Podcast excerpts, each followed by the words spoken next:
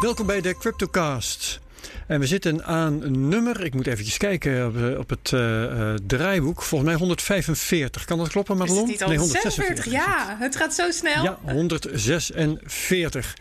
Um, en we hebben, nou, dit uh, mag wel een historische uitzending heten. Ik heb nou maar eens een keertje geen champagne meegenomen.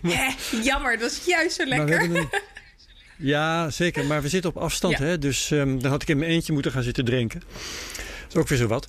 Um, welkom YouTube, welkom uh, podcastluisteraars. Uh, welkom Madelon en welkom Bas Wisselink, onze gast van vandaag. Hallo. Hi. Uh, we gaan met jou, ja, we gaan met jou praten over privacy. Maar ik denk dat we eerst eventjes, nadat we hebben gezegd dat we geen beleggingsadvies um, verstrekken, uh, dat we toch even over de prijzen gaan bomen, hè Madelon? Want uh, het was het dagje ja. wel. Het is nu 17 maart en we hebben achter de rug de historische 16 maart. Maar ik zou zeggen, vertel jij maar.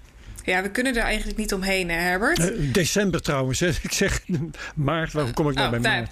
Het is 7, 17 december, gisteren was 16 december 2020 voor alle zekerheid. Ja.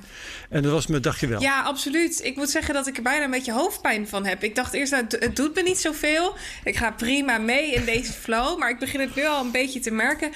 Um, ja, het is, het is bizar wat er gebeurt. We zien een forse koersstijging. Um, ik heb hier een grafiek eventjes uh, even voor jullie neer gezet. Je kan ook zien wat er hier gebeurt. Ik zal niet te veel bewegen, zodat het, het, beeld goed blijft. Even voor de luisteraars die nu denken, waar zijn ze naar aan het kijken? We zien hier voor onze grafiek, die begint op ongeveer 28 november. En die eindigt nu. En wat we daar zien is dat de bodems op die grafiek hoger worden. Dus de lows worden steeds hoger. En de toppen bleven ongeveer horizontaal. En dat betekent dat we in een patroon zaten. Ja. En dat patroon is uitgebroken, konden we een koersdoel berekenen. Dat koersdoel lag rond de 23.000 dollar. Daar zijn we tegenaan gebotst. En uh, je kunt daar op de klap- en flapregel toepassen. Mocht je nu denken, klopt dat wel, Madelon, wat je daar neer hebt gezet? Ja, dat is precies dezelfde grootte.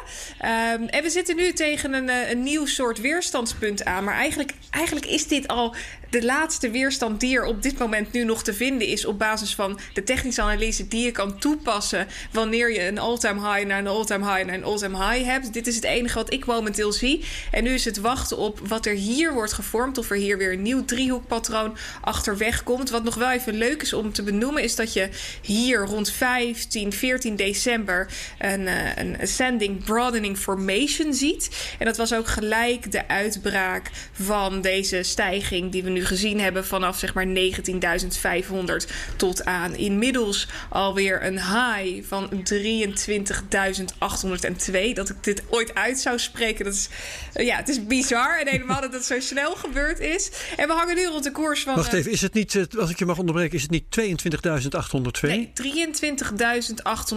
dat is de high geweest. Hallo. En momenteel hangen we rond de ja. 22.780. Om er nabij, hou er wel rekening mee dat als we een forse koersstijging zien, dat dat ook gepaard kan gaan met forse koersdalingen. Het enige wat belangrijk is, is dat de highs uh, hoger worden en dat de lows ook mee omhoog gaan. Dat is het allerbelangrijkste. Het kan best zijn dat die koers ook nog eventjes 20 of 30 procent terugvalt. Dat zou helemaal niet vreemd zijn. Dat is iets wat we bijvoorbeeld hier op dit punt in, uh, even kijken, wanneer was dat? Rond november, eind november, dat de koers van 19.000 toch eventjes terugviel naar 16.000. Dat hoort tijdens een rally. En uh, dat is echt wat we duidelijk zien. Ja, ik, ik, wil niet vervelend zijn hoor, maar ik ben het toch. Uh, als ik bij Bitstamp kijk nu naar al die uh, dezelfde soort candles als jij, dan zie ik toch als hoogste punt van vandaag 22.828.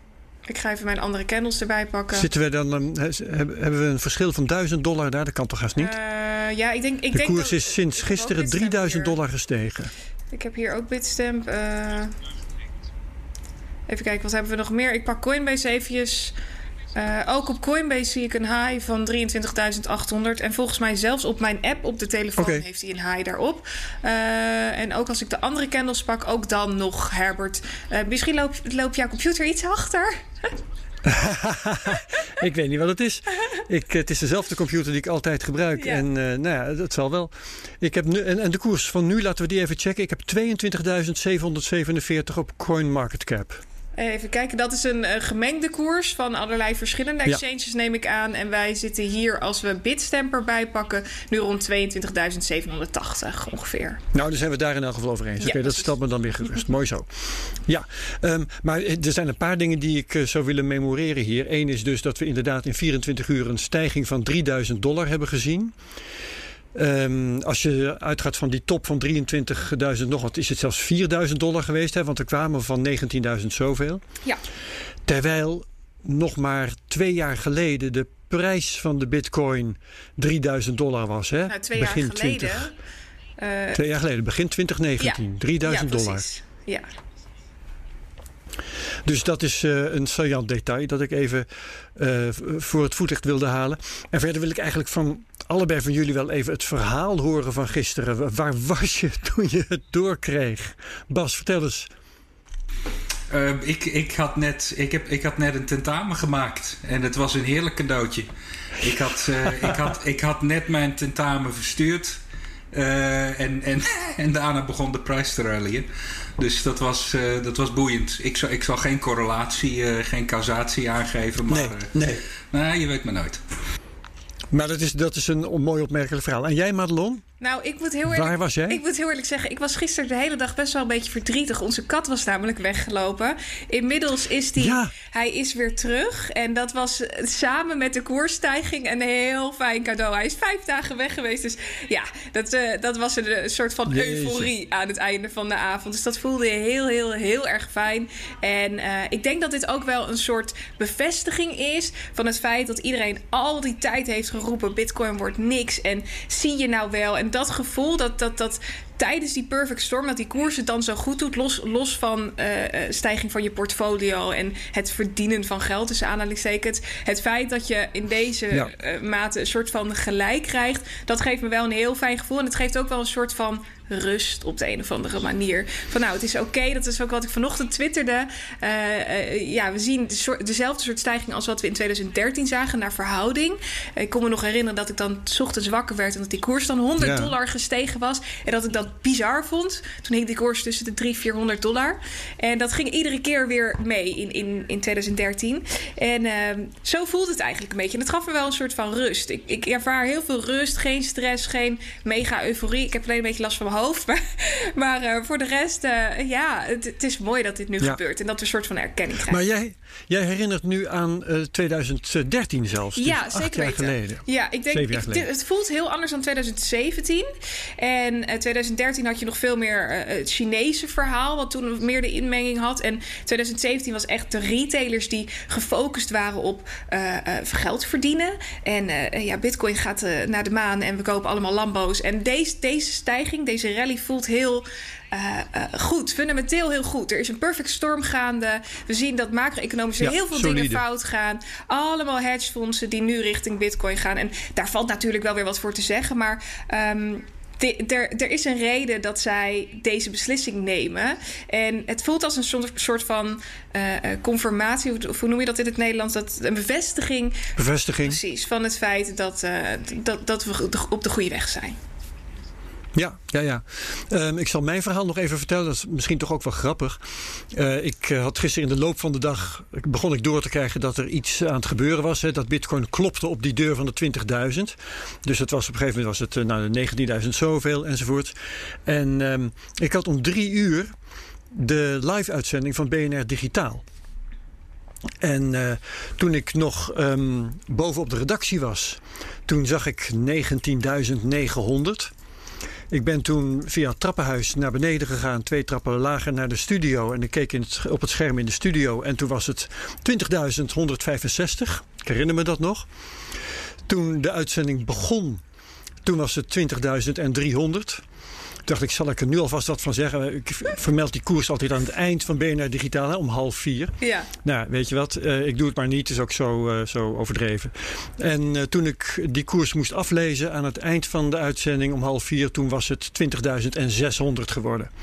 En toen is het daarna, voor, voor ik thuis was, was nou, enfin, je weet het, het ging maar door. Ja. En ja, dat was dus het verhaal van mijn dag gisteren. En dat eindigde eigenlijk pas vanmorgen, maar dat, dat komt straks nog als we gaan microcashen. Um, Want het is zelfs na mijn ontbijt vanmorgen is, uh, is die stijging nog doorgegaan tot inderdaad die 23.000. Dus het is bijzonder spectaculair. Um, wat mij opvalt trouwens aan jouw verhaal, Madelon, is dat jij dus die 23.000 eigenlijk al wel voorzien had als een, als een eerste weerstand, of beter gezegd een laatste weerstand die we tegenkomen. Ja, dat is wel grappig dat je dat benoemt. Ik heb in de zomer, afgelopen zomer, in juli uit mijn hoofd een uh, opname gehad bij de Telegraaf. En daar hebben we al eerder die, dat grotere patroon, waar, waar ik al maanden naar aan het kijken was, die hebben we al eerder besproken. En dat gaf ook dezelfde, hetzelfde koersdoel af. Ook die 23.000 dollar. En daar schommelen we nu tegenaan. En die heeft wel speling tot aan de 26.000 ongeveer. Uh, maar daar lag het eerste, eerste weerstandsniveau. En rond de 26.000, nou ja, dat, dat gebied, daar ligt nog een, een soort van weerstand op basis van dat hele grote patroon. Maar dat we überhaupt zo snel die kant op zouden gaan, dat is wel heel, uh, heel erg bijzonder. Dat is niet iets wat je, wat je ja. vaak ziet, behalve dan tijdens een rally. Ja, ja, ja, maar we zitten dus nu in feite in. Uh, ik las die term ook ergens uh, in een van de nieuwssites. Uh, in onbetreden gebied, ja. hè? Uncharted territory. Klopt, en dat is heel lastig voor een technisch analist. Ja, maar ook wel leuk. Want, ja, ja zeker. maar heel moeilijk. Want ja. als, je er, als je er nu uitstapt, kun je missen. En dat maakt het, maakt het heel spannend. En ja. dat is ook de reden waarom ik wat terughoudender ben. En ik kijk het gewoon rustig aan. En het is fantastisch wat er nu gebeurt. En we zien het allemaal wel. Ja. Je hebt verder, dat wil ik zeggen, je hebt verder geen vooruitzichten, geen inschatting van hoe het nu verder gaat. Of een terugval krijgen, of een snelle verdere opmars, of een langzame verdere zijwaarts voor een paar dagen of weken. Ja, ik heb deze vraag gisteren en, en, vandaag zo vaak gehad, Herbert. En het enige wat ik ja. reageer, zelf, zelfs onze uh, redacteur van BNR, die, die nog uh, erover twitterde. En het enige wat ik eigenlijk uh, daar, daarop zeg is: ik pak mijn glazen bol er even bij en ik kijk even. Maar mm -hmm. ik, ik, ik durf daar niks over te zeggen. Behalve dan dat nee. we op basis van het koersdoel rond de 26.000 zouden hangen. 23.000 eerste stop, 26.000 tweede. En het zou niets anders zijn dan gezond als we een mooie daling ook nog even zien. Dat, dat zou heel goed zijn, omdat je een hele mooie stabiele basis hebt. Maar we hebben bij, uh, bij Bitcoin vaker gezien dat die rally maar doorgaat. Dus het kan, het kan ook doorgaan. Ik, uh, ik durf ja. er niks over te zeggen. Nee. Nou, oké, okay, dus dat, uh, dat wordt dan spannend. Absoluut. Um, Oké, okay. laten we eens even verder kijken wat we uh, allemaal gaan doen. Ik denk dat we langzamerhand ook aan ons uh, nieuws toe zijn. Hè? Ja. Uh, Bas, kun jij eens vertellen wat is jouw nieuws van de week, behalve dan de koersstijging?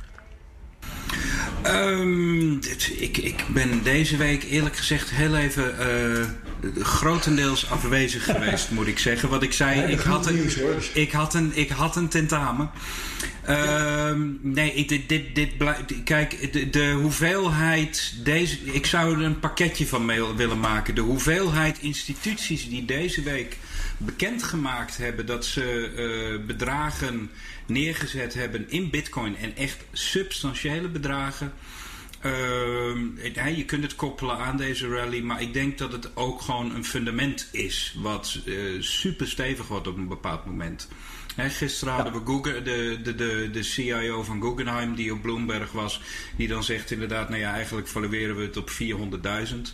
Uh, niet zozeer dat ik die valuatie zo. zo die, die, ik vind hem wel heel erg boeiend, maar voornamelijk het feit dat dit is wat, waar zij op mikken.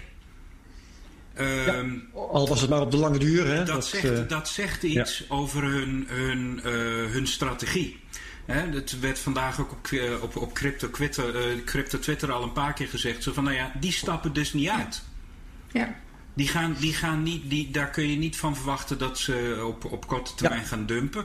En juist dat hele beeld waar iedereen het constant over heeft, over een store of value, moet gedragen worden door mensen die het ook daadwerkelijk vasthouden, ook op het moment dat het op andere manieren gaat fluctueren. Ja. Anders ja. krijg je die volatiliteit.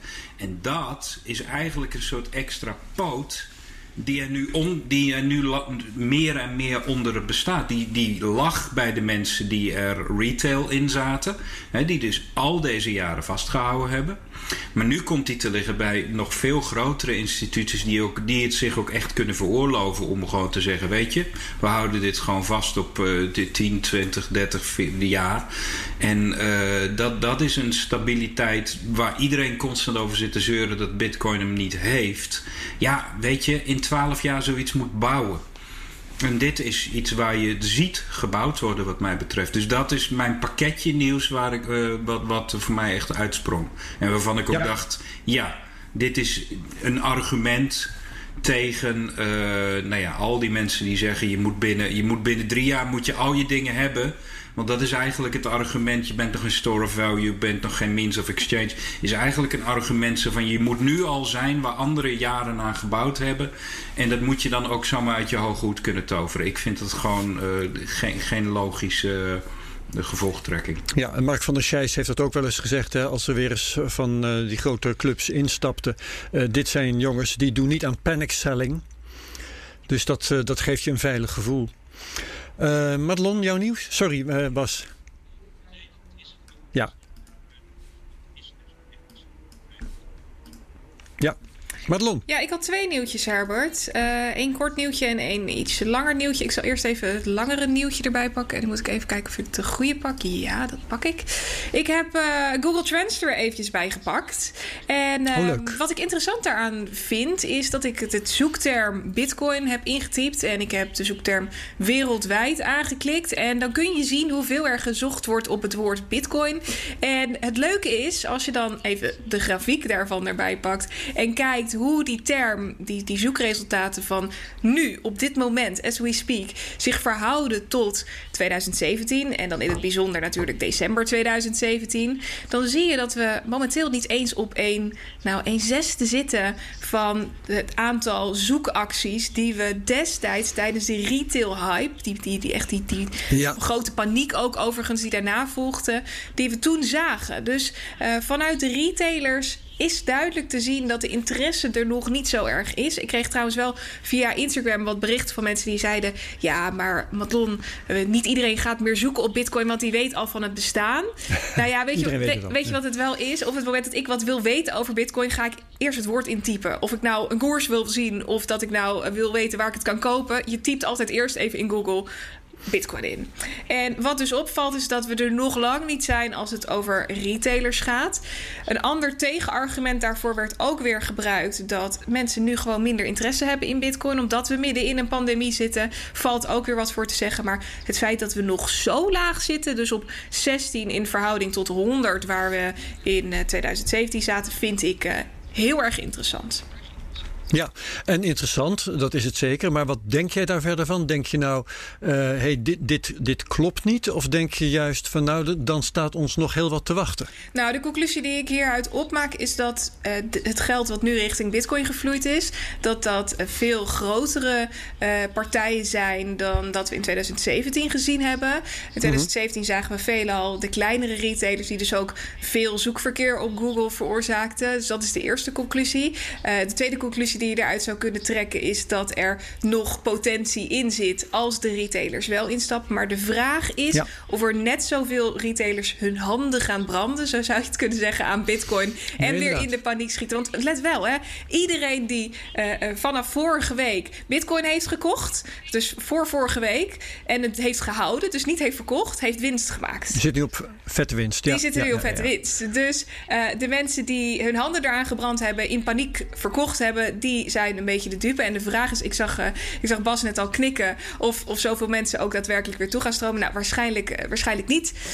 Um, maar er zit nog zeker potentie in het vat... als ik kijk naar hoeveel berichten ik krijg, hoeveel vragen. Ik word overspoeld met, uh, met mensen die, die hier meer over willen leren. En dat is goed. Dat is een goede basis. In plaats van dat we alleen maar kijken naar de greed... en hoe we geld kunnen verdienen. Nee, er is een reden voor en verdiep je in die reden. En dat is een mooie basis. Ja, ja, maar uh, laten we eens van de andere kant bekijken. Je zou het toch ook de consument, zo noem ik ze maar even gemakshalve, de gewone burgers, zou je gunnen om hierbij betrokken te zijn en om hier ook van mee te profiteren voor ja, zover dat gebeurt. 100 procent. 100 procent. Dat is ook ja. de reden waarom we deze content maken. Dat is de reden waarom ik op YouTube content maak, waarom wij cursussen aanbieden. Uh, dat, dat, het is de bedoeling dat meer mensen hierover te horen krijgen en op een zo laagdrempelig mogelijke manier. Uh, er, er, het is niet voor niks dat ja. er nu zoveel grote institutionele partijen kijken naar Bitcoin. En ik hoop dat meer mensen daar. Uh, ja, het is geen beleggingsadvies overigens, maar dat meer mensen zich erin verdiepen. Laten we dat, uh, dat Precies. En zo denk jij er waarschijnlijk ook over, Bas, want jij doet educatief werk op dit gebied.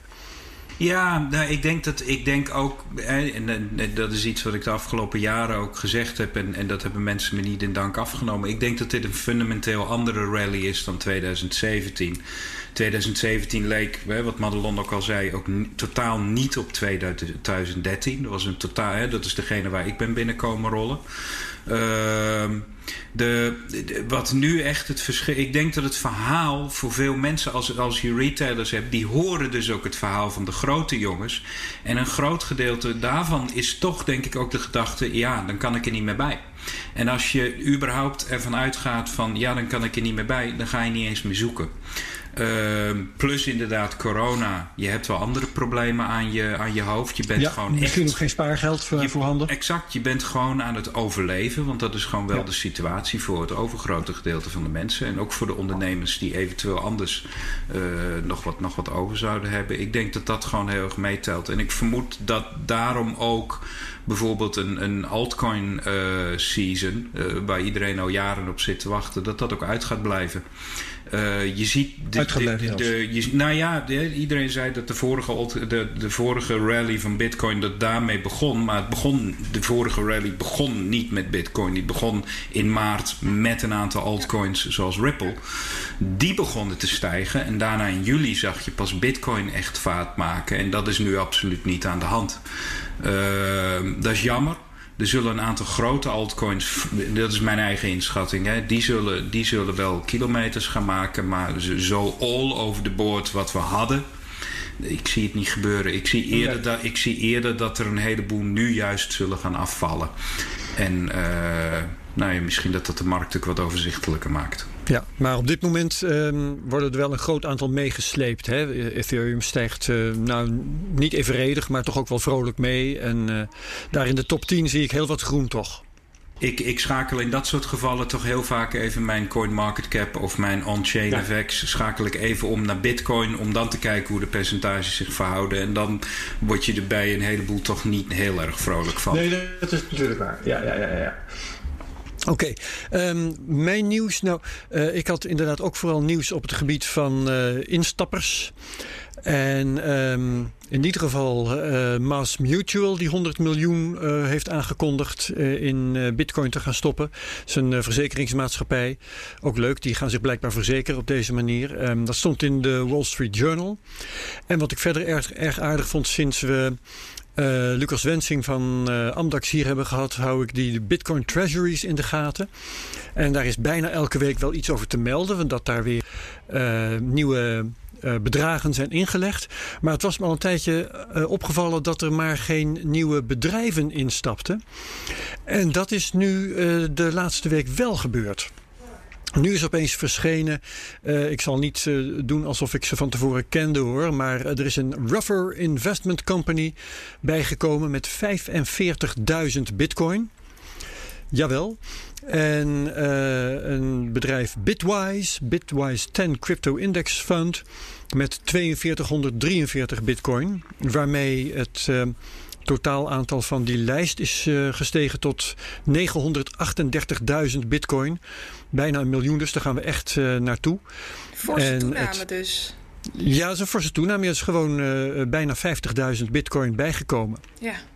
En het totaal staat nu op 4,5 procent, bijna 4,5 procent van het totaal aantal bitcoin is nu in handen van de bedrijven op deze lijst alleen al.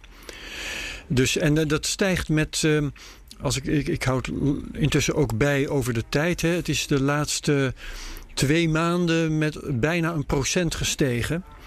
Dus uh, nou ja, zo kan het in een jaar kan het met 6%. Dus kan over, bij wijze van spreken, hè, als het in dit tempo doorgaat, over een jaar, dan uh, komen we boven de 10% van alle bitcoin die in handen zijn van dit soort bedrijven. Dus niet een voorspelling, maar even een, um, hoe zal ik dat zeggen, een uh, idee van hoe snel op dit moment de toename van grote investerende partijen gaat. Ja.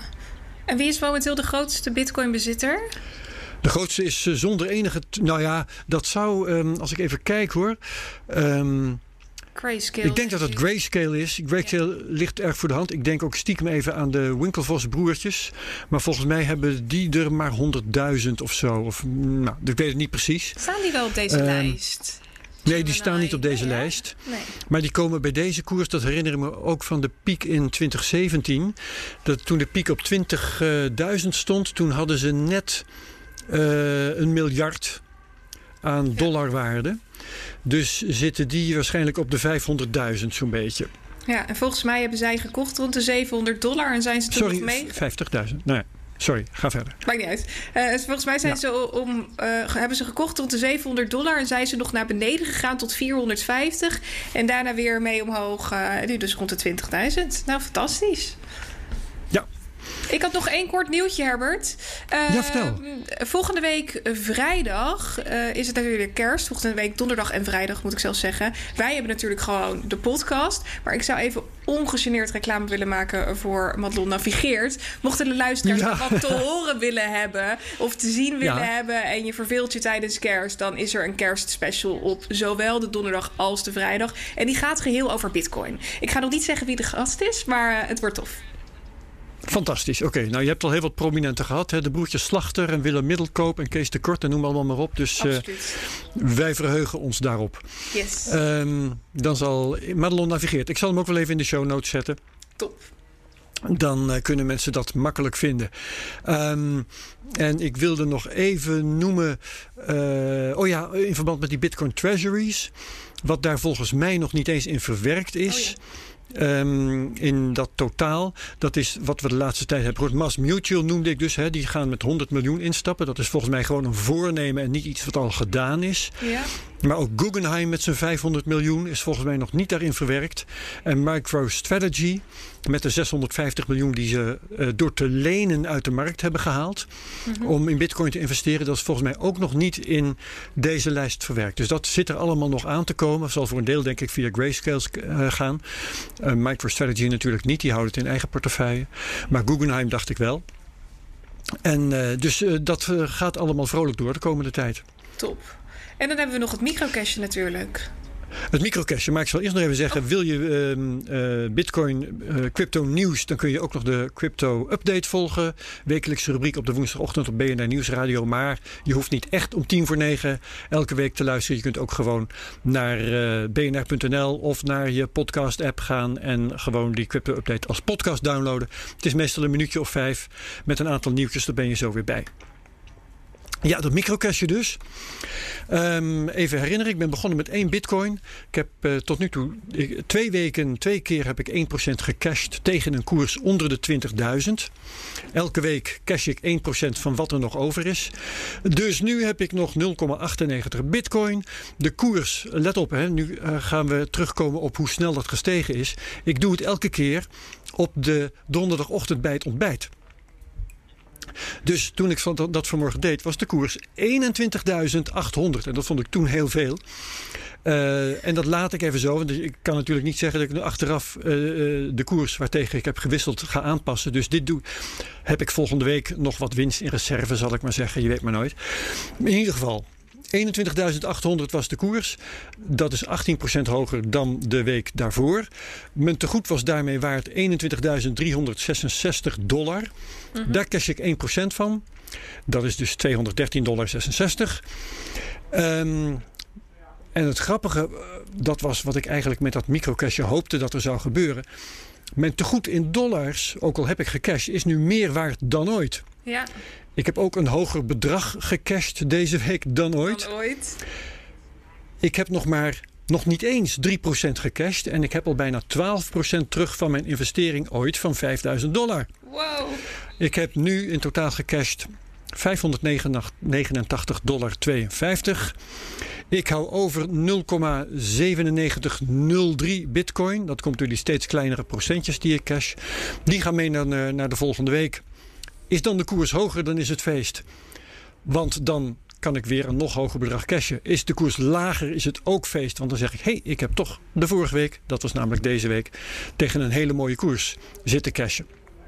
Nou, de link naar het eh, spreadsheet van Microcashje staat in de show notes. En we gaan lekker met Bas praten nu. Yes. Bas, want jij hebt een uh, heel mooi document gepubliceerd. Je bent, uh, ik zal maar zeggen, eigen onderzoek gaan doen naar privacy. Waarom vinden we dat belangrijk en wat is het nut daarvan? En een van de redenen dat je dat bent gaan doen, is dat uh, het belang van privacy, dat beschrijf je ook zelf in dat opstel. Uh, dat wordt in crypto-kringen zo makkelijk aangenomen. Hè? We, vinden privacy belangrijk, maar niemand zegt eigenlijk ooit waarom. Dus ja, vertel maar eens eventjes wat jij uh, bent gaan doen en, en wat jouw uitkomsten zijn. ja, nee, ik ben, ik ben hier al al een hele tijd mee bezig geweest. Uh, en, en, en, en het jeukte al, al een tijd lang dat mensen dat, dat, dat ik constant hoorde van nou, privacy is heel belangrijk. En, en ja, nee, oké. Okay. En het hoe werd overal uitgelegd. Dus dan ga je rondzoeken. Hoe kan ik dat dan doen? Dus dan kom je bij dingen als Monero terecht. Hè? Vroeger bij Dash, bij, uh, ik weet het, 2017 Verge. um, ja. uh, al deze privacy coins, Zcash en... Uh, maar nergens stond daadwerkelijk uitgelegd waarom is het dan zo belangrijk. Ja, het enige waar het dan om ging, en dat, dat is vanuit, vanuit zeg maar de libertaristische achtergrond ook wel uh, verklaarbaar. Uh, de staat kan dan achter ja. je aankomen. Maar dat, de, ik bedoel dan, dan nog, doordenkend, ja oké, okay, en dan? Wat is daar dan zo problematisch aan? Nou, dus, dus ik ben, ik ben uh, begin dit jaar ben ik me echt actief gaan inlezen. Uh, gewoon aan het zoeken geweest van, nou ja, oké, waar komt dat hele concept privacy nou vandaan? Want een van de eerste dingen die ik ontdekte is dat het eigenlijk een redelijk recent concept is. Uh, dat, we, uh, dat we privacy als persoon hebben. Kijk, dingen als, ja. dingen als, uh, als uh, rond, rond uh, criminaliteit, daar bestonden al wel concepten. Je, hè, dingen niet inbreken, private property, mm -hmm. eigen bezit, dat dat niet afgenomen mag worden, dat je lichaam niet beschadigd mag worden. Dat zijn allemaal elementen die, we, die eigenlijk onder privacy geschaard kunnen worden. Maar echt het concept dat privacy als een, zeg maar, een immaterieel iets wat kapot gemaakt kan worden en dat dat een schade oplevert, dat is redelijk recent, blijkt. Ja, want er zijn natuurlijk ook um, nou ja, omstandigheden geweest, uh, boerensamenlevingen, uh, armoede, weet ik veel, dat die privacy gewoon niet bestond. Dat je met z'n allen met het hele gezin in één slaapkamertje sliep uh, en, en dat je een dorp had waar iedereen iedereen in de gaten hield.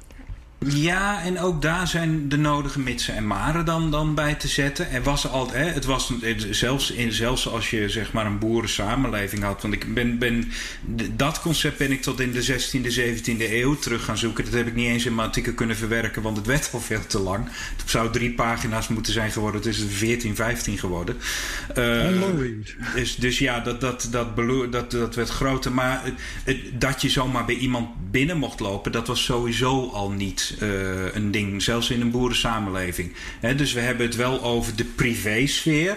En we hebben het over de publieke sfeer. En de privésfeer is praktisch altijd wel tot gezinnen bepaald gebleven.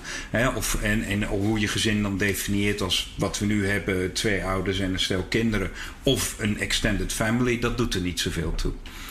Uh, maar het, het, hetgene, het, het, hetgene waar ik voornamelijk op uitkwam, uh, en het verbaasde, dat verbaasde me dan niet, is dat de eerste wetgeving op dit gebied en de uitleg, die komt uit de VS. Uh, dat, dat, de Verenigde Staten. De Verenigde. Staten, die, ja. die zijn echt begonnen met het definiëren van, van uh, dit concept. En, won, en, en uh, grappig genoeg is het, is het voornamelijk gekoppeld geweest in het begin aan dingen rond bijvoorbeeld celebrities. Die kwamen namelijk bij de opkomende massa media, kranten, die waren, hè, kranten in grote oplagen, die waren pas aan het eind van voor. Het eind van, van, de, van de 19e eeuw begon dat echt op te komen. En toen kreeg je een nieuw concept. Wat er kan gebeuren als je uh, je privédomein opengebroken wordt voor een groep mensen die je niet kent. Want dat is wat er in een dorp natuurlijk heel anders is. Hè? Het, het zijn wel je buren. Ja. Dus die hebben elke dag met je te maken. Maar bij uh, celebrities, politici en dergelijke, bij massamedia, daar hoor je iets privé over. Maar je hebt geen persoonlijke band. Dus er is ook geen feedbackmechanisme, geen controle. Nee, dus die, die beroemdheden, of het nou politici zijn of artiesten of wat dan ook, die worden gekend, maar ze worden gekend door mensen die zij niet zelf kennen. En dat is natuurlijk vrij um, uh, beangstigend. Exact. En dat leverde uiteindelijk een, een, uh, een aantal zaken in de Verenigde Staten op bij het Hoogste Gerechtshof. Waarvan een van de mensen die het, die het eerste artikel erover schreef, zelf hier ook last van bleek te hebben gehad. Die had ergens een feestje gegeven en daar had een krant, een of ander, een of ander pulpblad, had erover gepubliceerd. En daar was hij zo chagrijnig over.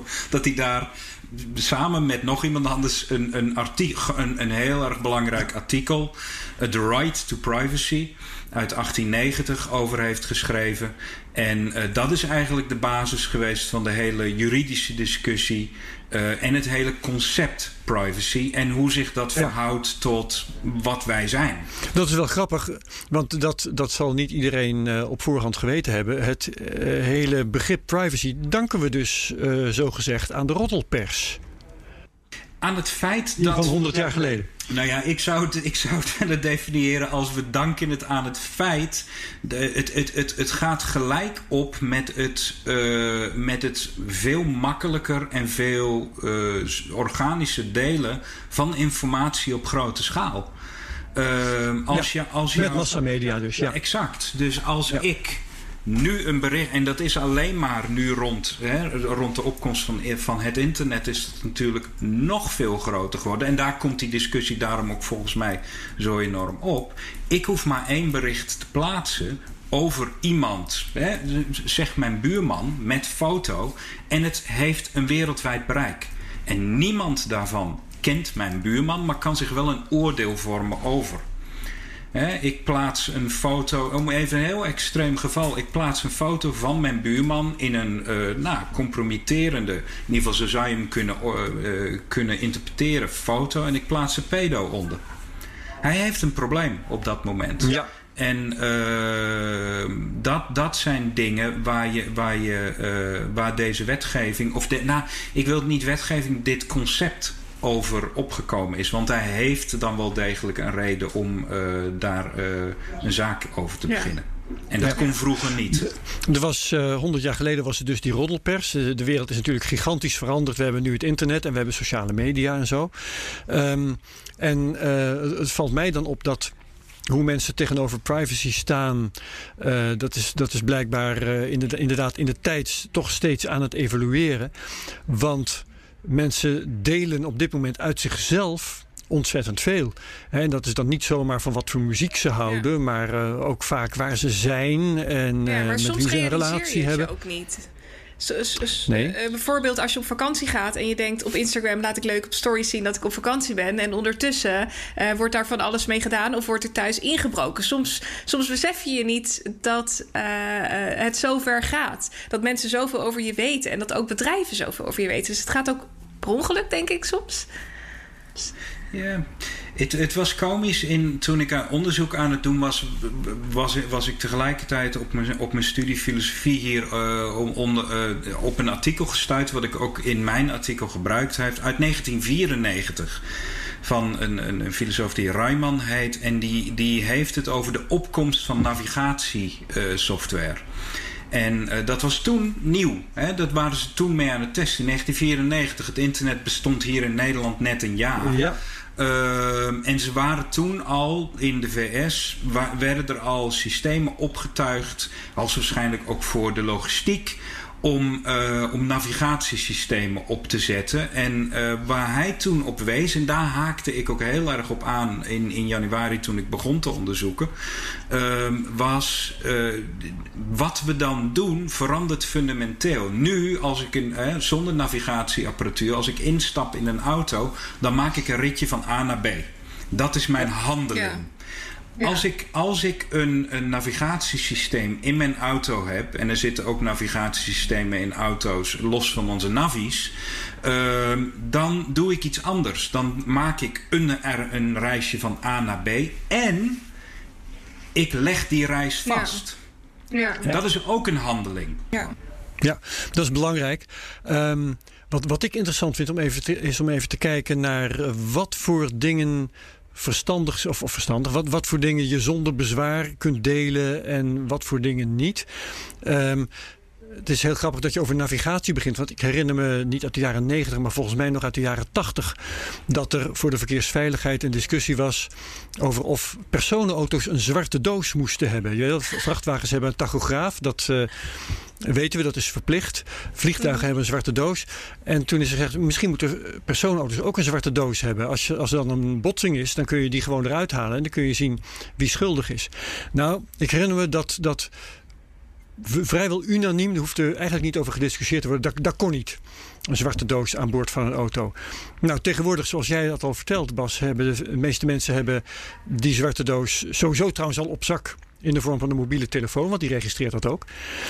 Ehm, en ze hebben vaak bovendien die navigatie, waar het ook nog eens een keertje op wordt uh, vastgelegd, zoals jij zegt.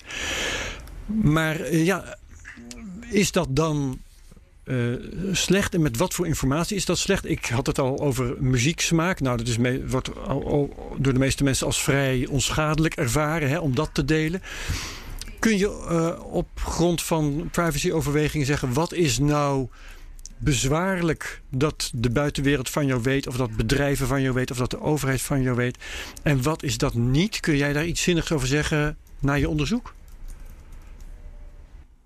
Nee, uh, sorry. Uh, het, ja, nee, maar dit is, dit, is, dit is een van die dingen. De, de, dit, dit gaat namelijk om de combinatiewaarde van dingen. Kijk, van een aantal dingen kun je zeggen: hier zitten we, hier, hier zitten we heel snel op linker dingen. Dan hebben we het dus inderdaad mm -hmm. over je financiële transacties.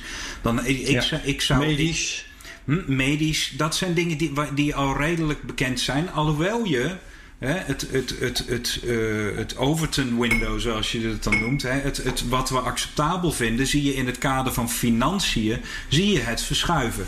We, we, ja. ja, dat is mijn punt ook. Het verschuift voortdurend. Tien, jaar, tien jaar geleden was het toch echt veel onbestaanbaarder om te zeggen... we schaffen cash af, dan je nu ziet. Want dat is enorm verschoven.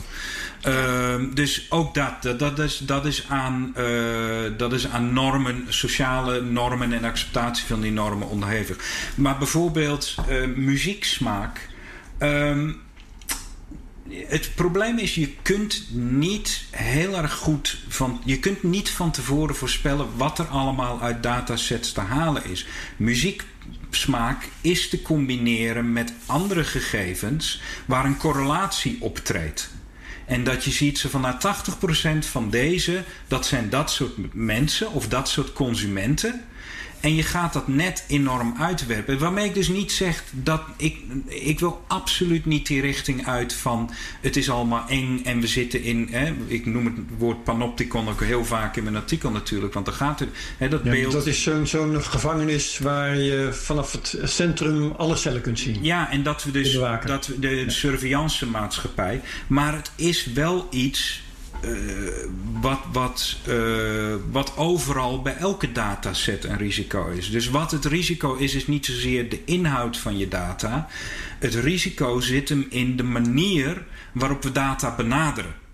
Het feit dat je zegt: het is oké okay om dit soort datasets te verzamelen en ook als bezit te zien, want dit zijn, die, mag je, die, die, die zijn dan ook bezit in één keer.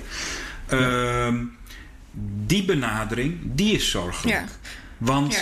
wie, wat, waarom kan die data benaderen? Wie heeft het recht om bepaalde combinaties te maken? En wat gebeurt er daarna mee? Daar zijn we helemaal nog niet goed uit. En het begint ermee dat je de, het verzamelen van die data al op een, uh, op een manier benadert van... ja, maar dit is heel erg oké, okay, dit is ja, gratis spul en ik kan er da daarna geld van maken. Ja, en, maar eigenlijk zeg je dus indirect dat individueel, dus die data op zichzelf staand, nog niet uh, uh, dusdanig van gevaar zijn. Maar op het moment dat die samenkomen tot een groep, dat daar het risico in zit. Omdat ze dan tezamen uh, voor misbruik gebruikt zouden kunnen worden. En het feit dat die mogelijkheid er is, ja, of voor goede dingen, maar daar moet je voor kunnen kiezen. Ja, exact. En, en de, het, het is een eigenschap van data dat je hem kunt combineren en daar conclusies. Dat is iets wat we doen. Ja. Dat is wat we als mensen altijd doen. Hè? Als je Ja. buiten loopt, dan krijg je ook allemaal data binnen. Die combineer je. Als ik jou tegenkom voor het eerst, krijg ik allemaal gegevens binnen. Ik zie, eh, ik, ik, ik zie de- dat je een vrouw bent. Ik zie dat je blond bent. Ik zie hoe lang je bent. Ik zie hoe je je kleedt. Het is allemaal data die ik gratis krijg. Op individuele. En ik maak een oordeel over jou. Maar jij kiest ervoor. Je zou ook een zak over je hoofd kunnen doen. Dat, is, dat doen we niet, maar laten we het even, om het even op klein te houden.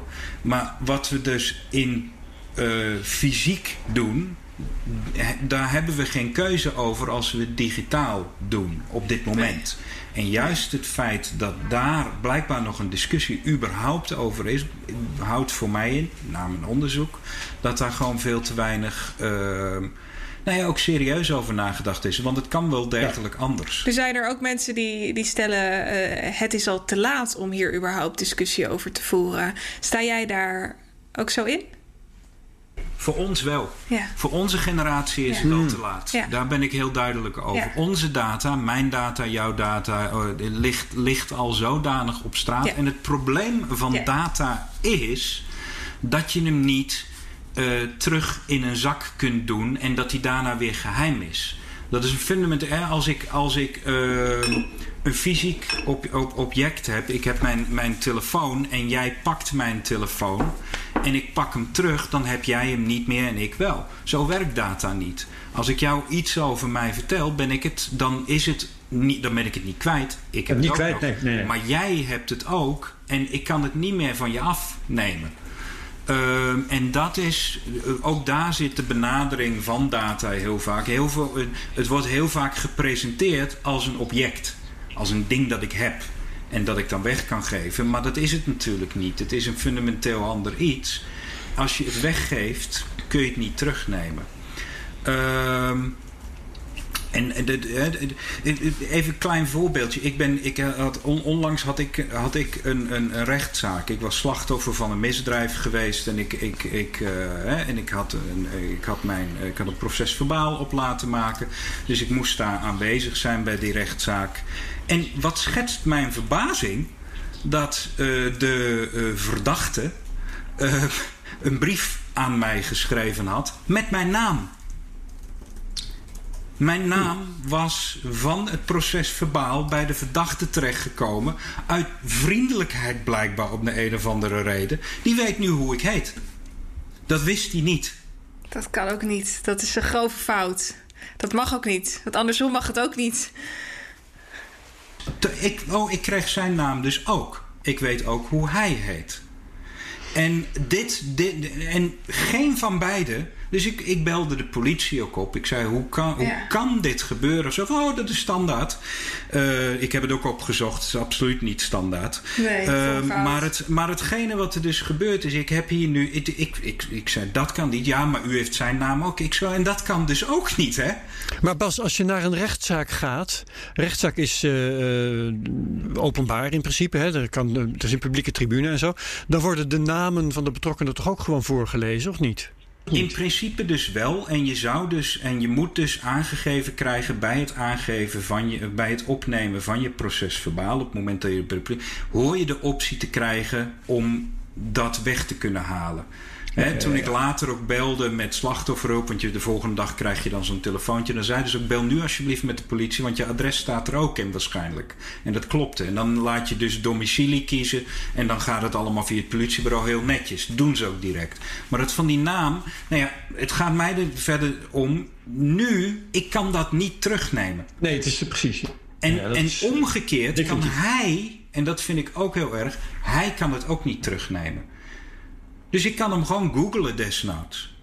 En ik Ja. kan allemaal gegevens. En dat is. Eh, en aan de, hè, soms zou je zeggen, zo, dat is best boeiend. Nee, dat is ook fout. Het is beide kanten op, is het gewoon vermijdbaar. Want je kunt dat, je kunt dat procedureel kun je dat echt dichttimmeren. Dat je die vraag gewoon heel duidelijk eh, stelt en dat dat dus weggehaald wordt. En, en dan hou je nog het recht in stand dat ik en hij, dat hij oog in oog moet kunnen staan met degene die hem beschuldigt. Want dat is wat, wat hier aan ten grondslag ligt. Het feit, als ik een beschuldiging uit, dan moet degene die verdacht is, moet inderdaad de mogelijkheid hebben zich in persoon tegenover mij te verdedigen. Dat is, en dat wringt. En je ziet dan dat, het overma dat, dat die procedures slordig opgezet zijn. En daar gaat het me ook weer om. Het gaat om, om niet genoeg nadenken over hoe, hoe, kun je dat dus gewoon aan de poort gewoon dichttimmeren? Want dat is mogelijk. Ja, uh, in jouw stuk maak jij een onderscheid dat vrij belangrijk is. Misschien wil je dat uh, even uh, uitleggen. Tussen um, privacy en publiciteit. Nou, dat is, dat is op zich vrij duidelijk. Maar ook, die kunnen allebei actief en passief zijn. Dat is een, nou ja, krijg je zo'n ruitje, ruitjespatroon met vier vakjes. Um, kun je dat even toelichten? Ja, daar was ik zelf vrij tevreden mee. Omdat het een van de dingen mee, was waarmee ik zat, zat te worstelen toen ik het artikel aan het schrijven was. Kijk, je hebt een aantal, aantal dingen die, die, die je gewoon doet. Uh, en, en dat noem ik passieve vormen van privacy en publiciteit. Uh, de, de, de passieve vorm is wat ik in redelijkheid mag verwachten als ik die, die toestand opzoek. Dus als ik naar huis ga. En hè, dat is mijn privéomgeving en ik doe verder niks, wat mag ik dan verwachten? Uh, en nou ja, dan heb, je, dan heb je dus bij passieve privacy dat niemand mijn deur binnenloopt. Dat niemand, uh, als ik mijn gordijnen open zou laten, want het sluiten van de gordijnen, dat is al een actie. Dat, je, dat mensen dus niet naar binnen gaan kijken. Gewoon niet een half uur voor mijn raam gaan zitten kijken hoe ik tv zit te kijken, bijvoorbeeld. Dat is passieve privacy. En passieve publiciteit is ook als ik de straat op ga, wat mag ik verwachten? Wat zijn de redelijke verwachtingen die je mag hebben? Uh, en en eh, ik, ik, als ik op straat loop, dan, dan verwacht eh, mensen, mensen gaan dan ook. Uh, ze, ik, kan in passieve publiciteit juist verwachten dat mensen me niet herkennen, hoogstwaarschijnlijk. Ja. actief is hetgene wat je dus gaat doen om over die redelijke grens heen te gaan. En dat is een beetje waar we, waar we heel vaak bij privacy ook aan denken. Dus dat ik mijn gordijnen dicht doe, dat ik de deur op slot doe. Dat zijn actieve dingen om je privacy te waarborgen. Uh, dat ik ervoor zorg dat ik bijvoorbeeld online een niet mijn foto neerzet. Uh, ja, daar zit je al een beetje, is dat passief of is het actief? Maar als ik actief andermans foto erop ga zetten, dan neem ik vormen aan om, om zeg maar uh, dwaalsporen uit te leggen. En, en bij actieve publiciteit is hetgene wat alle celebrities uh, natuurlijk doen, of iedereen die iets aan de man wil brengen. Als ik een advertentie plaats, als ik uh, hier, dit, dit is bijvoorbeeld ook redelijk actieve publiciteit. Wij zoeken. Deze podcast, ja. We zoeken publiek op. En uh, dat betekent ook voor de weging dat hier dus andere regels gelden. Wij hebben minder. Uh, recht is misschien het verkeerde woord, maar minder reden tot klagen als mensen ons herkennen. Want wij doen moeite om herkend te worden. En dan kun je niet achteraf gaan zeggen: Nou vind ik het vervelend dat je mij herkent op straat. Dat zou een hele rare reactie zijn. Ja. Um, en ik, ik heb het als raamwerk opgezet om een beetje. Ik, ik miste een, een model om te kunnen meten waar zit nou de grens. Ik heb er zelfs toen nog over gedacht. Zo van, je gaat van die denkexperimenten uitvoeren. Wat gebeurt er nou als ik hier op straat inderdaad stilsta en iemand, naar iemand ga staan kijken? Je voelt dat er dan iets aan de hand is.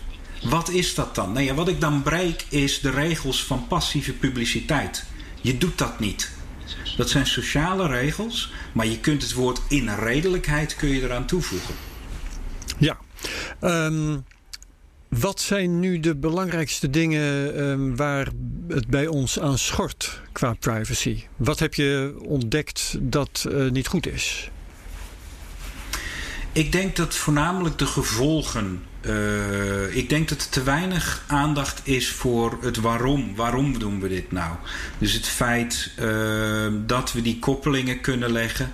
Maar ook waarom niet elke samenleving waardeert privacy op dezelfde manier. En daar is een reden voor. Uh, privacy, hetgene wat, ik in elk geval heel duidelijk zie uh, binnen, binnen onze, hè, binnen uh, het Europese model, binnen het VS-model, Canada, dat soort plekken. Je hebt het over een, een, een mensbeeld die, waarin je zegt: mensen hebben het recht om dingen af te schermen. En uh, dat, is, dat, is, dat is niet een soort natuurrecht. Dat, is, dat, is, dat recht levert iets op. En wat het oplevert is dat je, uh, als, dat je je eigen gedachten mag hebben.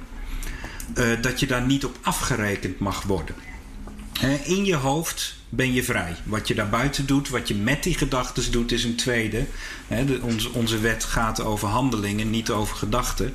Maar alleen dat idee al is, is, uh, is rechtstreeks gekoppeld aan privacy. Op het moment dat je willekeurig mag zeggen: ik, ik heb gehoord dat meneer X dit denkt en ik mag dat publiceren dat hij zo is, dan uh, beperk je iets heel fundamenteels in onze samenleving.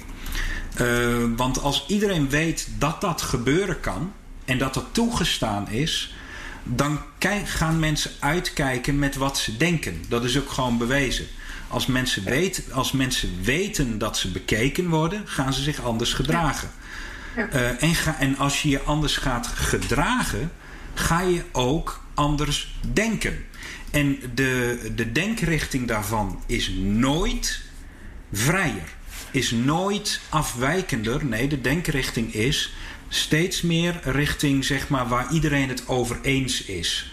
En dat is natuurlijk een heel raar begrip, want je moet uitvogelen waar is iedereen het over eens. Dus ga je ook nog een veiligheidsmarge inbouwen. Dus wat je krijgt is dat je denken vast komt te zitten in iets als in een soort midden dat volledig acceptabel is. En nou ja, Daar, kun je, daar kun je van zeggen, en een aantal samenlevingen in onze wereld zeggen ook: dit is wat wenselijk mhm. is. Dit is het soort mhm. mensen dat we willen kweken. Hier in, uh, in, in, in onze democratie en in andere democratieën zeggen nee. We vinden juist dat die, die edge cases die we juist hebben, dat die ons iets opleveren als samenleving. Waardoor we constant nieuwe dingen ontdekken. Ja, dus waar dit op neerkomt is gebrek aan privacy, dat beperkt je onafhankelijkheid. Je wordt er meer afhankelijk van, van, van de eh, mainstream, zeg maar. En dat doet de maatschappij weer schade. Dat is waar jij op uitkomt op deze manier. Uiteindelijk komt het erop neer dat als je zegt dat privacy niet belangrijk is, zeg je op een hele fundamentele manier dat onze democratie en onze, ook onze wetenschappelijke kijk op de wereld niet uh, oké is. Dat is een grote uitspraak, maar dat is wel waar het om gaat. Ja. En het denkexperiment is heel simpel. Stel dat we een wet af zouden kondigen waarin niemand meer gordijnen mag hebben. En iedereen s'avonds de straat op moet om op dit gewoon casual bij de buren naar binnen te kijken. Alleen al het feit dat je dat zegt, iedereen je ongemakkelijk lachen. We zien dat er dan iets zo fundamenteel veranderd is. En het, wat mij betreft is ook het hele voorbeeld ook direct bruikbaar als dat, om, om dat hele non-argument van ik heb toch niks te, te verbergen, direct omver te. Maar Bas, dat is eigenlijk toch ook wat er, wat er nu gebeurt. Alleen weet je niet dat je bespied wordt. En, nou ja, daar, daar, en daar zit, daar zit dat, dat, dat is deels wat er gebeurt. Deels zetten we onze gordijnen open. Ja. Uh, en, en wijder en wijder. En we krijgen er ook dingen voor terug. Dat wordt er ook nog eens een keer gedaan. je krijgt cadeautjes terug voor het vrijgeven van die mhm. gegevens. Mhm. het is nog niet zo. Het, op dit moment komt het samen op, op een aantal centrale plekken.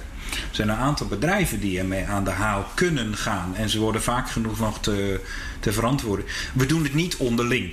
Het is niet zozeer, alhoewel ik een end kan komen, inderdaad. Als ik nu ga googlen en uh, op de meeste mensen op basis van de gegevens kan ik een redelijk goed profiel maken.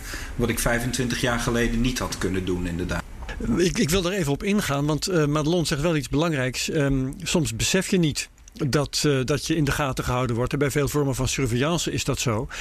Terwijl voor jouw verhaal over dat je onafhankelijkheid teloor gaat, uh, is eigenlijk essentieel dat je het wel weet. Dus um, hoe is het nou eigenlijk? Als je niet weet dat je geobserveerd wordt, is het dan ook minder erg? uh, het, Nee, het is wel de. Kijk, dan moet je, je moet het dan uit elkaar trekken, inderdaad. Je hebt aan de ene kant heb je het, uh, heb je het, heb je het feit dat jouw denken bepaald wordt door het feit dat je geobserveerd wordt en dat dat iets met je doet. Dat onderdeel, die schade ontbreekt op dat moment. Want je, iets wat je niet kunt weten, daar kun je die vorm van schade niet aan ondervinden. Ja. Dat betekent niet dat, dat die, is. Dat die, nou, dat betekent niet dat die gegevens die buiten jouw medeweten verzameld worden, dat die niet schade op kunnen leveren. Maar dat is inderdaad zijn twee verschillende dingen. Ja. Alhoewel ik wel zou denken, en uh, misschien is dit ook echt een genera uh, iets wat over generaties uh, gaat. Ik vermoed dat het grootste gedeelte van de, de, mensen onder de 18 zich wel degelijk bewust is van het feit dat ze waargenomen worden. Mm -hmm. de, de, de, jongeren die ik ken, of de, de, de, tieners, die gaan wel degelijk zo. Die zijn beter met het afschermen van hun privacy dan de meeste mensen van mijn leeftijd die ik om me heen zie. En niet omdat ze zich daar super bewust van zijn hoor. Het is niet dat dat iets is, dat is iets dat ze gewoon doen. Ja. Dat, is, dat, dat hoort bij hun levenswereld. Maar het, dat betekent deels hun levenswereld heeft dus al de basis dat ze weten dat ze waargenomen worden. Ja, ja. Uh, maar bij jouw verhaal hoort wel. Sorry, maar ik, de, deze, nog, deze nog gauw eventjes. Um, maar dan ben ik hem nog kwijt ook. Dus ga jij eerst maar even, Madelon. Oh nee, ik, ik, ik weet het al wel. Jij um, verzet je dus, Bas, tegen de relativerende opmerking van... Uh, er is in het verleden dachten mensen heel anders over privacy... en uh, sliepen ze gewoon in een en dezelfde kamer. En Chinezen poepen in een en dezelfde ruimte... en uh, bekijken elkaar daar nog eens gezellig bij. Um, jij zegt toch, de, die privacy, dat is een objectief ding... Uh, dat heeft te maken met menselijke waardigheid en zo. En met je onafhankelijkheid. Uh, verder niet zeuren daarover. Het heeft niet, het, ik vind dat belangrijk. Ik, het heeft te maken met ons beeld van menselijke waardigheid. Mhm. Wij zitten in een samenleving waar wij het belangrijk vinden op dit moment dat uh, mensen als autonoom wezen gezien worden. Er zijn andere opties mogelijk. Ik ben, ik, het, ja. het, het, hè, een van de dingen die, die van. Ik, ik, ik kwam het pas volgens mij nog ergens tegen. Toen werd het in verband met mensenrechten gebracht. Zo van, nou zijn dit absolute rechten. Mensenrechten zijn op dit moment en nooit geweest ook geen absolute mensenrechten. Hè? Mensenrechten weerspiegelen een beeld van mensen. Wat wij vinden van mensen. Dus onze mensenrechten bevestigen ook dat beeld van mensen als autonome individuen. Uh, waar worden ze ook gebroken? In samenlevingen die dat mensbeeld helemaal niet onderschrijven. Die zien... Ze worden wel universeel genoemd, hè? de universele verklaring van. Als je kijkt, ja, en het, het, dit is altijd, het is een beetje droevig, maar de, de mensenrechten zijn uiteindelijk in rond 17, eh, rond, rond de Franse Revolutie, zijn ze neergezet na een periode van ongeveer 200 jaar filosofie daarover. Hè, natuurlijk een aantal duizend jaar ook. Maar het is een er zit een ontstaansgeschiedenis aan vast. En om ze universeel te noemen, de, in die zin zijn ze universeel dat of ze gelden voor iedereen of ze zijn waardeloos. In die zin zijn ze universeel. Ja. Maar het is niet universeel in de zin van: dit is iets wat het universum op de een of andere manier aan ons oplegt. Dat is een verwarring in taal. Het is, en ik denk dat het heel belangrijk is, want als je gaat denken dat het een, een soort natuurwet is, dan denk je ook dat je er niks meer voor hoeft te doen, want de natuur dwingt dit af. Nee, wij als mensen dwingen dit af. En of we, kiezen de, of we kiezen ervoor om het voor iedereen te laten gelden. En we komen er meer en meer achter dat dat helemaal niet zo is. Hè? Dat we ook in onze eigen samenlevingen uitsluitingen hebben. En dan moet, je, dan moet je dan op basis van die mensenrechten iets aan doen. Als je denkt dat het een soort natuurwet is, dan denk je, nou, komt vanzelf wel goed. Want de natuur. Maar dat is niet zo. Nee. Ja, ik was toch benieuwd naar hoe jij uh, in het licht van de digitalisering en uh, het oog op de toekomst kijkt naar uh, dit, dus het stukje privacy in verhouding tot de central bank digital currencies. we zien natuurlijk dat cash langzaamaan minder wordt en we zien dat, er, dat we steeds meer richting dat centraal bankgeld aan het gaan zijn. Het is er nog niet, maar ja, de kans is groot dat het. toevallig vorige week deed ik mee aan een enquête van de Nederlandse Bank. Die was uit naam van de Europese centrale bank uh, gericht. En daar werd er ook gevraagd naar het belang die mensen hechten aan hun privacy. Ik ben heel erg benieuwd hoe, hoe jij hier dan nu naar kijkt. Ja, ik, vind, nou ja, ik denk dat het niet een verrassing is dat ik het als een risico zie. Juist op dat gebied. Uh, je krijgt weer dat. Uh, hè, want dan komen we ook een beetje full circle naar over wat we daar met, met cryptocurrency. Want ook daar zit die discussie van het is belangrijk. Nou, waarom dus? Als iemand je financiële gangen kan nagaan, dan heb je echt ja. een, een fikse val. Want wat jij koopt, waar jij in die zin is geld natuurlijk een vertaling van de uren die je besteedt aan je werk. Voor de meeste mensen. Dat is, dus het is le letterlijk levenstijd die je besteedt. Uh, en die aankopen weerspiegelen heel erg waar jouw prioriteiten in het leven liggen. Wat jij koopt is voor een groot gedeelte is letterlijk wat je waardeert. Dus daar, als er al een informatieset is die enorm veel informatie in zich heeft, dat is het je financiële gegevens. Ja. Uh, dus de, je, je, kunt daar op een aantal manieren over nadenken. Je zou kunnen zeggen: oké, centrale bank, wellicht zelfs beter dan, hè, dan de commerciële banken. Want wil je die. Hè, dat is een beetje afhankelijk wat zijn de belangen van dit soort partijen. Het mm. probleem is, en dit is, dit is dan denk ik het laatste grote concept wat ook in mijn artikel staat, is het, is, is het verschil tussen formele en materiële bescherming. ik, ik, haal daar het onderscheid aan. Je, je, kunt, op, je kunt op formele dingen uh, beschermingen aanleggen en op, en op materiële manier. En om even het verschil aan te geven: formele bescherming is dat de wet zegt: ik mag niet zomaar bij iemand binnendringen dan mag de bewoner van die woning mag een aanklacht indienen en dan komt dat voor de rechter. Materiële bescherming is: ik zet een slot op mijn deur. Uh, ja. het en het verschil is direct overduidelijk. Stel dat ik geen slot op mijn deur heb, dan is de formele bescherming is, uh, in hoeverre iemand zich aan die juridische regel houdt. En die is redelijk streng natuurlijk. Dat is een sociale norm, maar er zit ook gewoon angst voor straf. Maar dat slot, dat zit er. Daar moet je echt actief moeite voor doen om daar doorheen te komen. Ja. Uh, hetzelfde, het, het, ook weer dat voorbeeld van gordijnen open. Ik heb een formele bescherming in de zin van dat de sociale regels bestaan. Dat ik niet in iemands, voor iemands raam ga staan met mijn neus voor de ruit. Dus formele bescherming. Materiële bescherming is ik doe mijn gordijnen dicht. Dan kan het echt niet. Dat is een beetje ja. waar ik hier bij die, bij die central bank currencies ook moeite mee heb. Er zit op dit moment niet een sterke materiële bescherming in. Er zit een formele bescherming in. Tuurlijk zullen de regels. We hebben bakken met regels over wat we wel en niet met privacy mogen doen. Uh, het probleem van formele regels is, is op het moment dat ze overtreden worden, vindt de verrekening van de schade achteraf af uh, af, achteraf plaats. Dus de schade is al gedaan en dan moet die ongedaan maken. Dat werkt wederom met fysieke dingen redelijk goed. Dus als ja. mijn auto bekrast is, dan kan daar een betaling op komen. Kan ik de lak laten repareren. En dan is technisch gesproken de schade weg. Op het moment dat het over mijn privédata gaat, is dat onmogelijk. Want we hebben het over data. Die data ligt op straat, die komt nooit meer van de straat.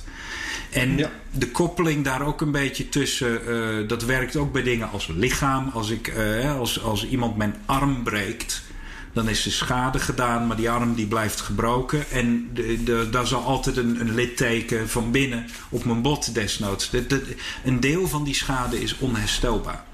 En daarin werkt materiële bescherming die, die voor een deel ook mogelijk zou zijn digitaal. Dat is wat wij doen binnen cryptocurrencies met al onze private keys, met, met manieren, uh, met manieren van verbergen, uh, ring signatures, kies maar uit. Het is niet eens mogelijk om die informatie te ontsluiten als je niet. Dat is, en daar zie ik. Uh, het probleem is als ik die central bank currencies. Ik zie dus ook niet een beweging in de, in de papers komen. Uh, naar materiële bescherming. Ik zie voornamelijk een beweging naar de formele bescherming. En uiteindelijk is dat: Your words as good as mine. Ik moet ja. je maar vertrouwen. Maar dat is wel een heel interessant en belangrijk onderscheid. Want ik heb wel eens geroepen in een, in een onbewaakt ogenblik. Als je bijvoorbeeld kijkt naar uh, privacy coins als Monero. En naar iets als het dark web, hè, waar privacy ook door technische voorzieningen zo goed als absoluut is.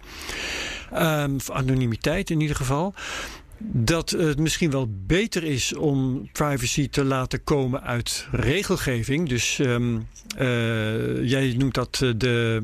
Kijk, je had materieel en. Wat was het andere ook weer? Formeel, precies. Dus uit de formele uh, aspecten. Want Komt het uit die materiële, ik zei in dat geval uh, technische uh, voorzieningen, dan is die absoluut. En dan, is, dan kan de privacy ook heel makkelijk worden misbruikt. Dat zie je als uh, door dat op het dark web en met het gebruik van Monero, dat juist redelijk dubieuze elementen daar heel graag gebruik van maken. Want niemand anders is zo gemotiveerd om dat te doen. Dus die materiële privacybescherming, die heeft ook echt zijn nadelen wel. Wat vind jij daarvan? Nee, dat is ook zo. Kijk, uh, dit, ik, ik zeg absoluut niet dat privacy niet ook uh, kanten heeft die, die negatief zijn. Uh, dan, moet je van, dan moet je wel, denk ik, van het woord privacy af. Privacy is het concept dat jij recht hebt om dingen al dan niet te ontsluiten. He, de gegevens van jezelf. Dat is privacy. Dat is zeg maar het concept wat te maken heeft met persoonlijke autonomie. Ja. Op, daar heb je grenzen in. Je hebt, je hebt aan de ene kant heb je dus de grens die jou, uh, jou als mens bevestigt. Daarnaast hebben we dus de grens die aangeeft: ik hou hier gegevens geheim, omdat anders ik schade ondervind die terecht is. Als ik als misdadiger schade wil ontlopen die het gevolg is van mijn misdaad, dat is de, de logische vorm. Hè? Dat is wat ik wil ontlopen. Dat is hetgene wat onze samenleving, in de meeste samenlevingen, niet toestaan. Ik ontloop schade, ik ontloop op dat moment schade. Ik loop, ontloop wel degelijk schade die mij rechtens toekomt. Ja. En ik, nou ja, dit, ik, ik ben deze studie niet voor niks gaan doen. Dit soort logische stappen zijn heel belangrijk om vast te houden. Die schade die komt je op dat moment toe. Je bent een misdadiger volgens de wet. En niet alleen volgens de wet, ook volgens heel veel sociale regels. Doe je iets dat andere schade toebrengt. Dan, dan hoor je straf te krijgen. Om, van alle redenen. Uh, en die, dan ga je je privacy inzetten om die schade niet te hoeven lijden. Ja, daar zit volgens. En daar zit theorievorming die ik heel graag zou willen, willen zien. Want dit moet, hier moet je dus met z'n allen duidelijkheid over hebben. Ja. Je moet duidelijk uh, zien, hier gebeurt iets. Ah, ja, maar je zet het schild op de verkeerde manier in. Je hebt dat stuk uh, geschreven, omdat je, dat schrijf je zelf in de inleiding, omdat je vindt dat uh, in de crypto-gemeenschap daar soms wat makkelijk overheen wordt gestapt. Er te weinig over nagedacht. Er wordt allemaal maar van uitgegaan. en je hebt dat geprobeerd nu te onderbouwen. Heb je nou ook reacties gehad op je, je hele verhaal? Nee, ik heb, ik heb van een aantal uh, mensen die, die ik daar, uh, daarin waardeer, heb ik een aantal. De, Ian Grigg, die heeft, heeft het geretweet bijvoorbeeld. Dat is een, een, een van de vroege cryptografen die triple entry accounting had. daar was ik heel trots op is een grote naam. In ieder geval, het is niet een bekende naam, maar wel een grote naam. Okay, ja. uh, er zijn een aantal andere. Waar het mij om gaat is, is het, het, klinkt heel normatief. Iedereen moet hierover nadenken. De reden waarom ik dit schreef, en ik ben met een aantal andere artikelen ook. Ik mis het. Ik heb het gemist. Ik was aan het zoeken en ik kon het nergens vinden. Ja, dan, dan maak ik het zelf. Dan moet ik het zelf gaan maken. En in de hoop dat er iemand anders het. Nee, daarom heb ik ook een Nederlandse en een Engelse versie gemaakt. Uh, in de hoop dat het voor anderen, voor nieuwe theorievorming weer kan werken. Uh, er zitten een aantal concepten in die ik denk, waarvan ik denk dat ze heel nuttig zijn. Die materiële, formele bescherming is eentje die heel nuttig is als denkraam.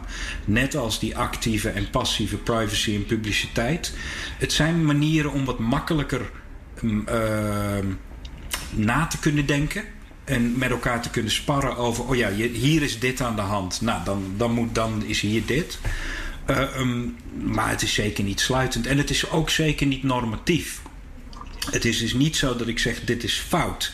Ik zeg als je dit wil, dan is dit een voorwaarde. Als je dat niet wil, hey, weet je, als je niet als je niet in een samenleving zit of zelf niet dat beeld hebt van ik vind dat mensen zo moeten zijn, dan is privacy een nutteloos concept voor je. En dan kun je, ja, maar dan weet ik ook wie ik tegenover me heb op dat moment. Ja. Dus daarvoor is het bedoeld. Ja, dat weten we dan nu in elk geval van jou, hè, dat jij daar zo over denkt. Dat is eh, data over jou die jij hebt prijsgegeven aan de Ja, dit is data die ik vrijelijk. eh, gegeven heb. Ja, Eh, precies. Oké, eh, dankjewel Bas Wisselink. Ehm Madelon, we gaan volgende week eh, praten met de broertjes Slachter. Hè? Die komen weer eens meedoen. Eh, weet jij al waar we het met ze over gaan hebben? Ja, we gaan het hebben over het jaar. We gaan het jaar afsluiten natuurlijk. Gewoon terugblikken. Dus, we gaan terugblikken en we gaan een beetje vooruitkijken. Dus dat wordt hartstikke leuk. Doen we met z'n vieren en dat doen we ook online. Dus eh, dat wordt gezellig. Via Zoom weer met vier eh, vakjes in eh, dit scherm. Precies. Oké, hartstikke leuk. Nou, ehm, dan natuurlijk de gebruikelijke, gebruikelijke oproep om reviews te maken op Apple Podcasts. Om te twitteren, at CryptoCastNL zijn we dan. En op YouTube te liken, te subscriben en te commenten. Oké, iedereen bedankt voor het kijken en luisteren naar de CryptoCast. Ja. Dankjewel Madelon, dankjewel. Bas nogmaals. En heel graag tot de volgende. CryptoCast. Tot volgende week. Dag Dag. allemaal. Hoi.